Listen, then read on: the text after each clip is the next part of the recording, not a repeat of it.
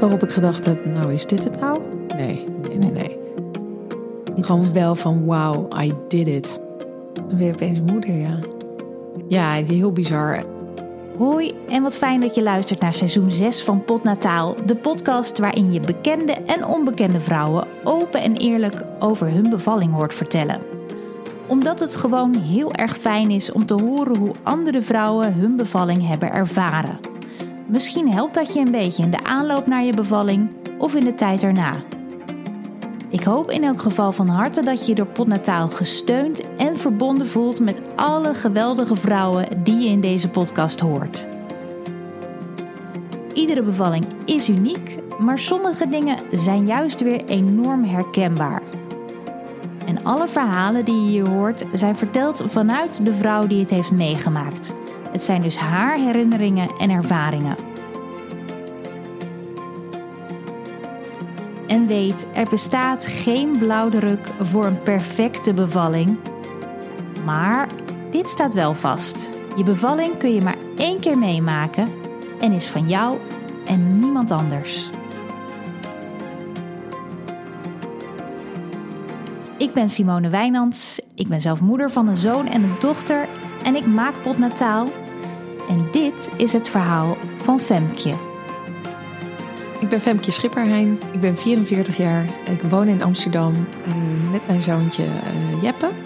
Uh, ik ben sinds september weer docent Frans. En ik ben op 21 maart jongsleden bevallen van mijn kindje. Zoals je weet staat dit seizoen van Potnataal dus voor een belangrijk deel in het teken van fertiliteitstrajecten. In de aflevering hiervoor hoorde je hoe Femke vertelde hoe ze zwanger raakte door middel van embryodonatie nadat ze te horen had gekregen dat ze in de vervroegde overgang was geraakt. Zoals je in die aflevering hebt kunnen horen, moest ze een lange weg afleggen om haar droom te verwezenlijken. Dus mocht je dat nou nog niet gedaan hebben, ik kan je zeker aanraden om die aflevering ook nog eventjes te luisteren voor je met deze aflevering verder gaat. In elk geval hoor je in deze aflevering haar bevallingsverhaal. Nu ze eindelijk zwanger is, breekt er een nieuwe fase aan met weer een heel palet aan nieuwe gevoelens. Net als vrijwel elke andere zwangere maakt Femke zich in het begin zorgen. Oh jeetje, als het nu maar goed blijft gaan. En op een gegeven moment heb ik ook nog wat bloeding tussendoor gehad. En ja, je, daar raak je ook wel lichtelijk van in paniek. Van, oh, is, is dit oké?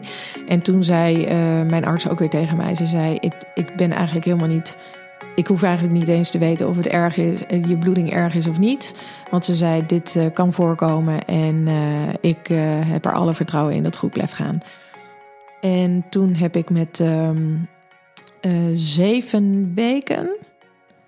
Want toen was ik op dat moment was ik vijf weken, even uit mijn hoofd, vijf of zes weken toen ze, toen ze belde. En uh, toen heb ik met zeven weken heb ik mijn eerste echo gehad.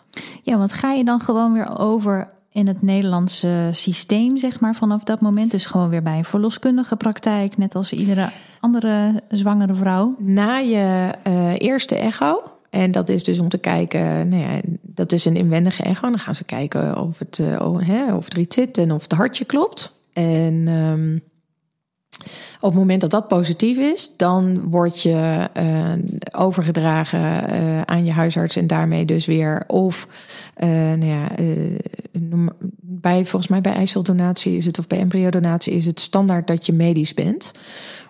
dus dan word je overgedragen aan het ziekenhuis. Dus eerst naar je huisarts en dan een doorverwijzing naar het ziekenhuis.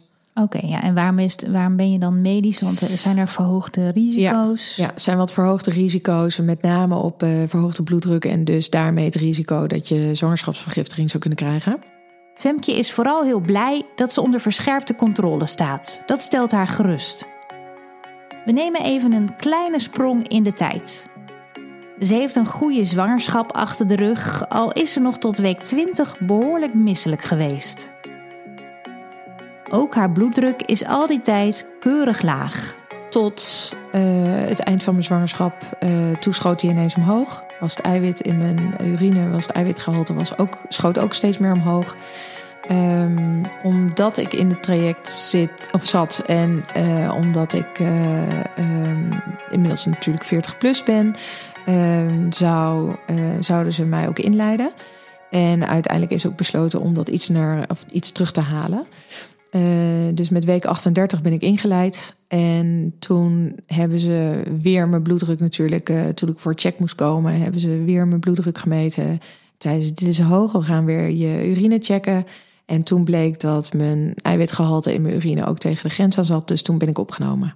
En toen begon dus je bevalling ook Ja. eigenlijk. Ja, was je daar aan toe op dat moment? Ja, ja.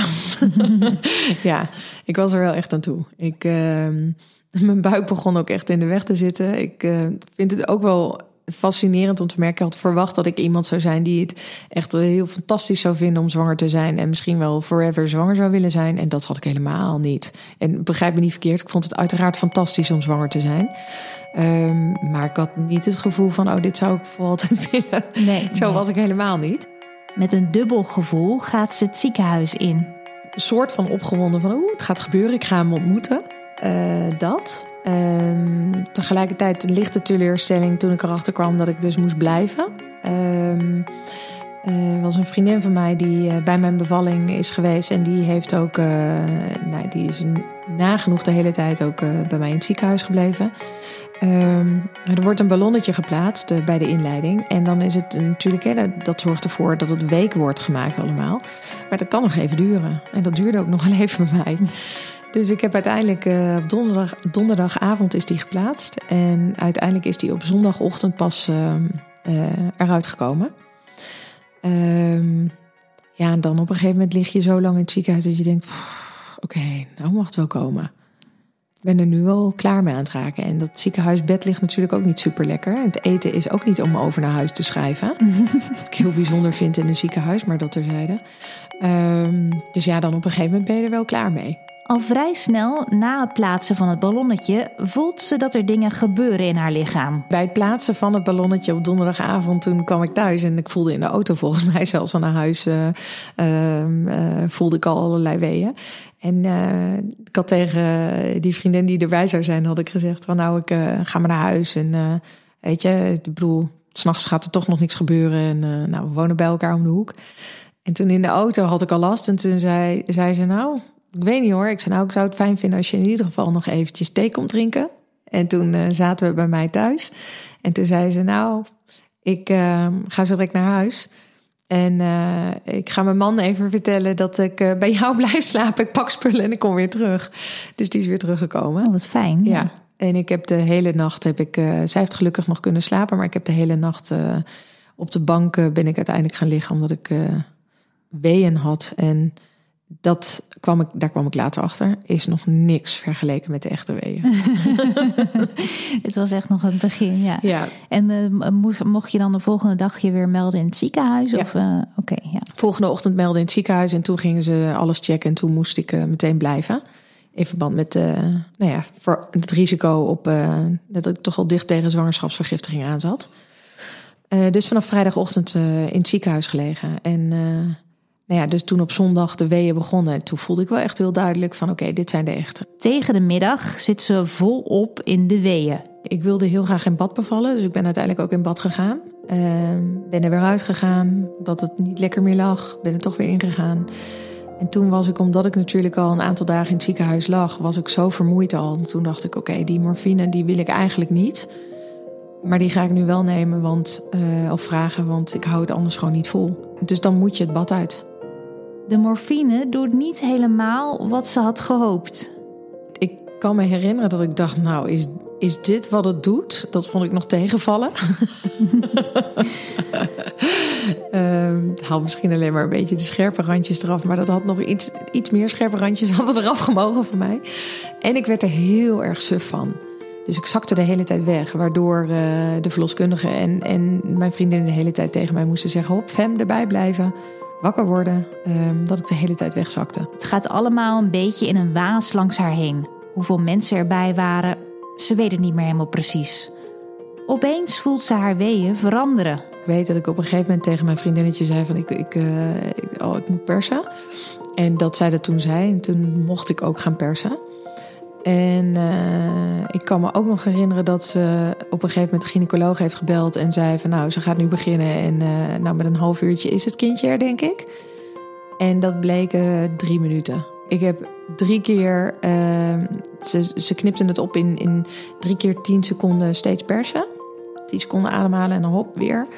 En uh, bij de derde keer voelde ik, zoals ze dat volgens mij ook noemden, de Ring of Fire. En toen dacht ik, en toen had ik het idee dat ik hem weer terug voelde schuiven. En toen dacht ik, oh nee, nee, nee, nee, jij gaat niet terug, jij gaat, jij gaat nu de goede kant op. En toen heb ik zo'n kracht gezet dat hij eruit kwam. Een bevalling met een lange aanloop, maar een hele snelle ontknoping dus. Haar zoontje en haar voorgevoel dat het een jongetje zou zijn klopte dus, wordt op haar borst gelegd bizar, heel onwerkelijk. Uh, ook denkend van jeetje, wat moet ik nu voelen? Uh, ik, ik, was niet meteen uh, in, in totale extase. Um, ik denk vooral ook nog aan bijkomen en misschien ook nog wel door die morfine. Ik kan me ook herinneren dat ik ehm, mijn vriendinnetje heel erg zou huilen naast mij. En dat ik dacht, ik hoef nog helemaal niet te huilen. Um, maar uiteindelijk uh, ja, kwam dat natuurlijk dat je in één keer denkt: holy shit, mijn kindje, mijn eigen kindje ligt gewoon op mijn borst. En hoe, hoe zag je eruit? Weet je? Je ja, vond ik toen echt prachtig. nu terugkijkend, denk ik daar iets anders over. Uh, ja, klein, uh, donker haar, een beetje krullerig leek het. En ja, ik vond hem perfect. Hij was ook meteen heel alert. Hij, hij, kan natuurlijk, heeft hij nog niet veel kunnen zien, maar hij keek heel alert meteen. Hij voelde heel zacht en uh, tegelijkertijd natuurlijk ook een beetje viezig nog. en uh, uh, ruiken weet ik niet meer zo goed, maar wel echt, ja, heel zacht en lief en warm en uh, heel rustig. En was het meteen helemaal duidelijk voor jou van dit is die hele lange weg die ik heb afgelegd gewoon duizend procent waard geweest. Ja, ja. ja geen, geen, moment die geen moment waarop ik gedacht heb, nou is dit het nou? Nee, nee, nee. nee. Gewoon wel van wow, I did it. Na een tijdje krijgt ze het verzoek om naar het toilet te gaan om te zien of ze kan plassen. Ik heb nog op de wc nog lopen onderhandelen met de verpleegkundige. Omdat ik dacht, nou het is toch ook oké als ik morgen voordat ik naar huis ga. Want ik moest sowieso een nacht blijven. Omdat ik inmiddels zelf medisch was ook. Uh, dus ik heb lopen onderhandelen met haar van als ik morgen voordat ik naar huis ga naar de wc ga, dan is het toch ook goed. maar dat was natuurlijk niet goed. En uh, toen ging ik douchen en, uh, en toen bleef ik maar doorbloeden. En dus toen kwam ze weer kijken en zei ze, nou nee, dit is niet oké, terug het bed in jij. En ehm, ik had tussendoor natuurlijk ook, hè, de placenta was eruit gekomen. En, uh, maar goed, ik bleef heel erg doorbloeden. Ze hebben weer inwendig onderzoek gedaan, uh, katheter aangelegd. Van misschien uh, is er, moet er nog wat uit. Um, en ze konden niet goed vinden wat er aan de hand was. Dus ze hebben de OK klaargemaakt. En um, ze hebben mij om half twaalf s'avonds nog naar de OK gebracht. Complicaties met de placenta komen dit seizoen bij toeval wat vaker voorbij. Ik heb daarover ook een bonusaflevering gemaakt, aflevering 3 alles wat je moet weten over de placenta. Ik kan je enorm aanbevelen om die te luisteren voor de nodige extra achtergrond. Terug naar Femke. Ze is alleen in het ziekenhuis. En mijn vriendinnetje was inmiddels alweer uh, naar huis.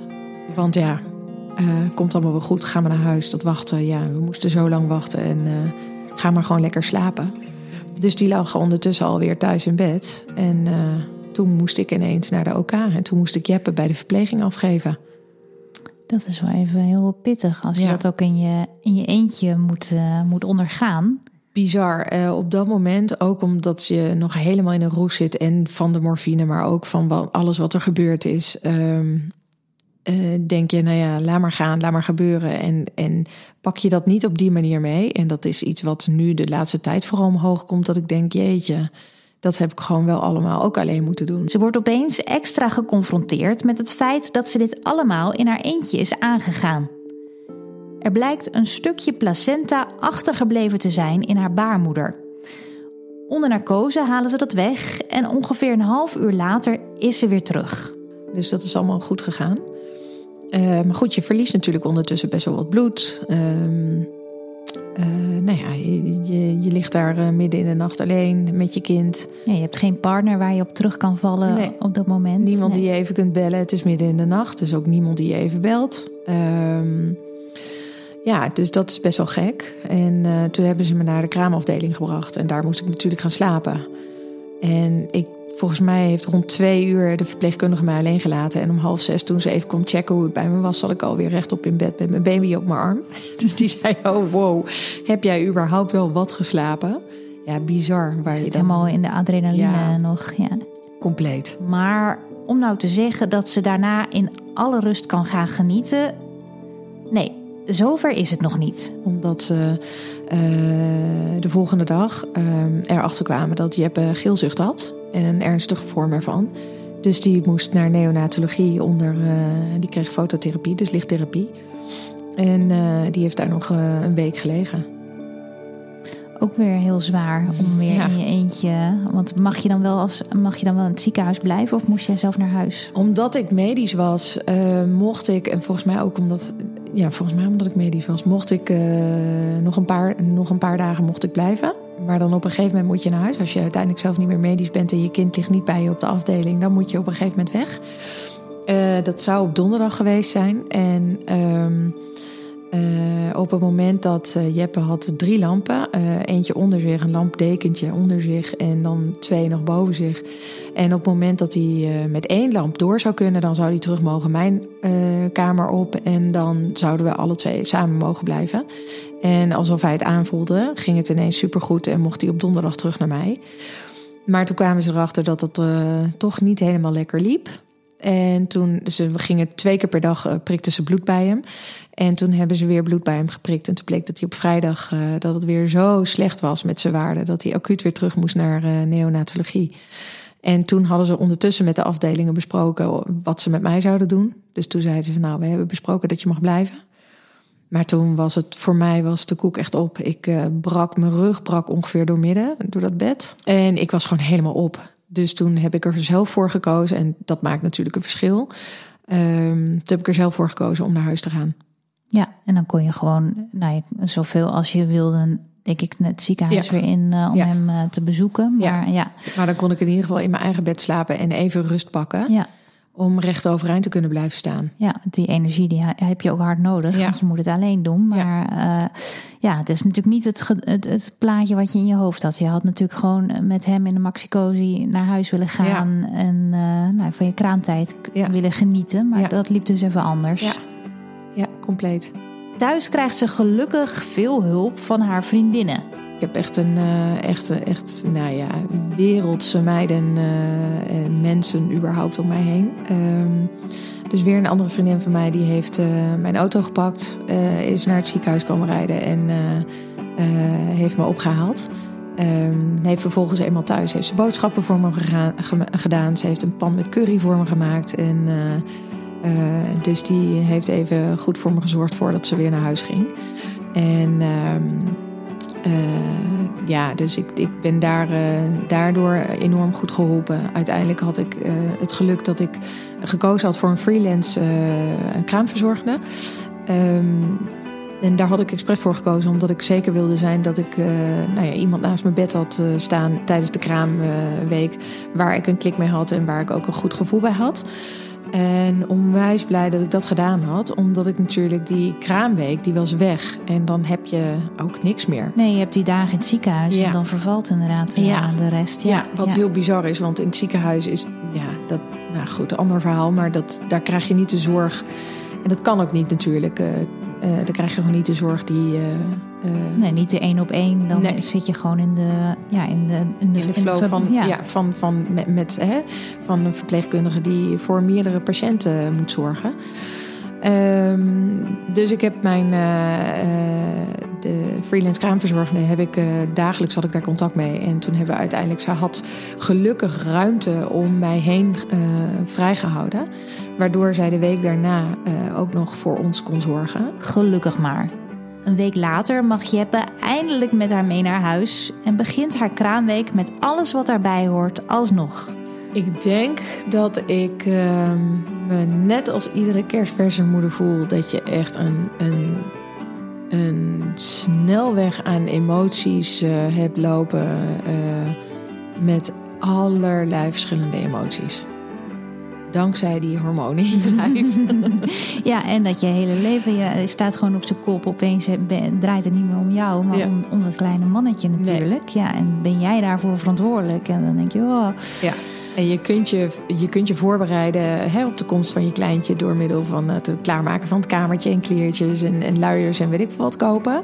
Maar dan, het moment dat je kindje er is en hoe je je dan voelt en wat je dan moet gaan doen, daar kan je je niet op voorbereiden. Wat er dan op je afkomt, daar kun je daar kun je niet op voorbereiden. Dat kan, dat kan zelfs niet door het aanhoren van verhalen van anderen, denk ik. Nee. Dat is um, on, onbeschrijfelijk. En hoe gaat het nu met haar zoon? Ja, gaat heel goed. Het gaat echt heel goed. Het is een ontzettend uh, uh, vrolijk jongetje. Het is echt een, ja, hij is natuurlijk de leukste. Natuurlijk. Ik ben helemaal niet bevooroordeeld. Nee, het is een heerlijk ventje. Hij is um, over het algemeen vrij makkelijk. Het is wel een echt rammetje, want hij laat heel duidelijk merken op het moment dat hij het ergens niet mee eens is. Nou ja, wat ook weer heel prettig is. Um, hij is heel vrolijk, hij is uh, gezellig, hij is grappig, ondeugend. Um, ja, we hebben het heel leuk samen. Ja, ja, en voor hem, ja, hij weet natuurlijk nog helemaal niks van het hele traject wat jij hebt moeten ondergaan om, uh, om hem bij je te krijgen. Nee, misschien onbewust, maar nee. Ja, nee. En uh, denk je daar nu al wel eens over na? Van wanneer komt het moment dat ik dat ook aan, met hem ga delen? Ik ben daar nu al um, uh, heel erg open in naar hem toe. En niet dat hij dat natuurlijk allemaal begrijpt. Maar ik heb um, uh, hele mooie foto's heb ik uitvergroten in uh, mijn woonkamer hangen van Valencia. En daar loop ik ook wel eens met hem langs. En dan beschrijf ik waar dat is. En dat het is uit de stad waar, hij van, waar zijn, ja, waar zijn start ligt, waar hij vandaan komt. Want daar kom je nog regelmatig terug nu ook. Nou, ik ben er nu niet meer geweest sinds de laatste keer. maar heeft natuurlijk ook met corona te maken. Maar ik heb wel in de planning liggen om daar op korte termijn met hem naartoe te gaan. Iedere dag weer opnieuw denk ik, wow, je bent gewoon van mij. Je bent gewoon mijn kindje. Heel bijzonder. Je hoorde het verhaal van Femkje. Ik hoop dat je hebt genoten van deze aflevering. Zo ja, laat dat dan weten in de reviews op iTunes. En kom me zeker even volgen op Instagram. Dat kan op twee manieren. Kan via @podnataal of via @simonewijnands. Of allebei kan ook natuurlijk hè. En vertel natuurlijk al je zwangere vriendinnen, buurvrouwen, nichtjes, collega's en zusjes over deze podcast. En neem ook eens een kijkje op vriendvandeshow.nl slash potnataal. Daar kun je deze podcast een financieel steuntje in de rug geven. En daar vind je extra tips en adviezen van de moeders die in deze podcast hoort. Heel erg bedankt voor het luisteren en tot de volgende. Doeg!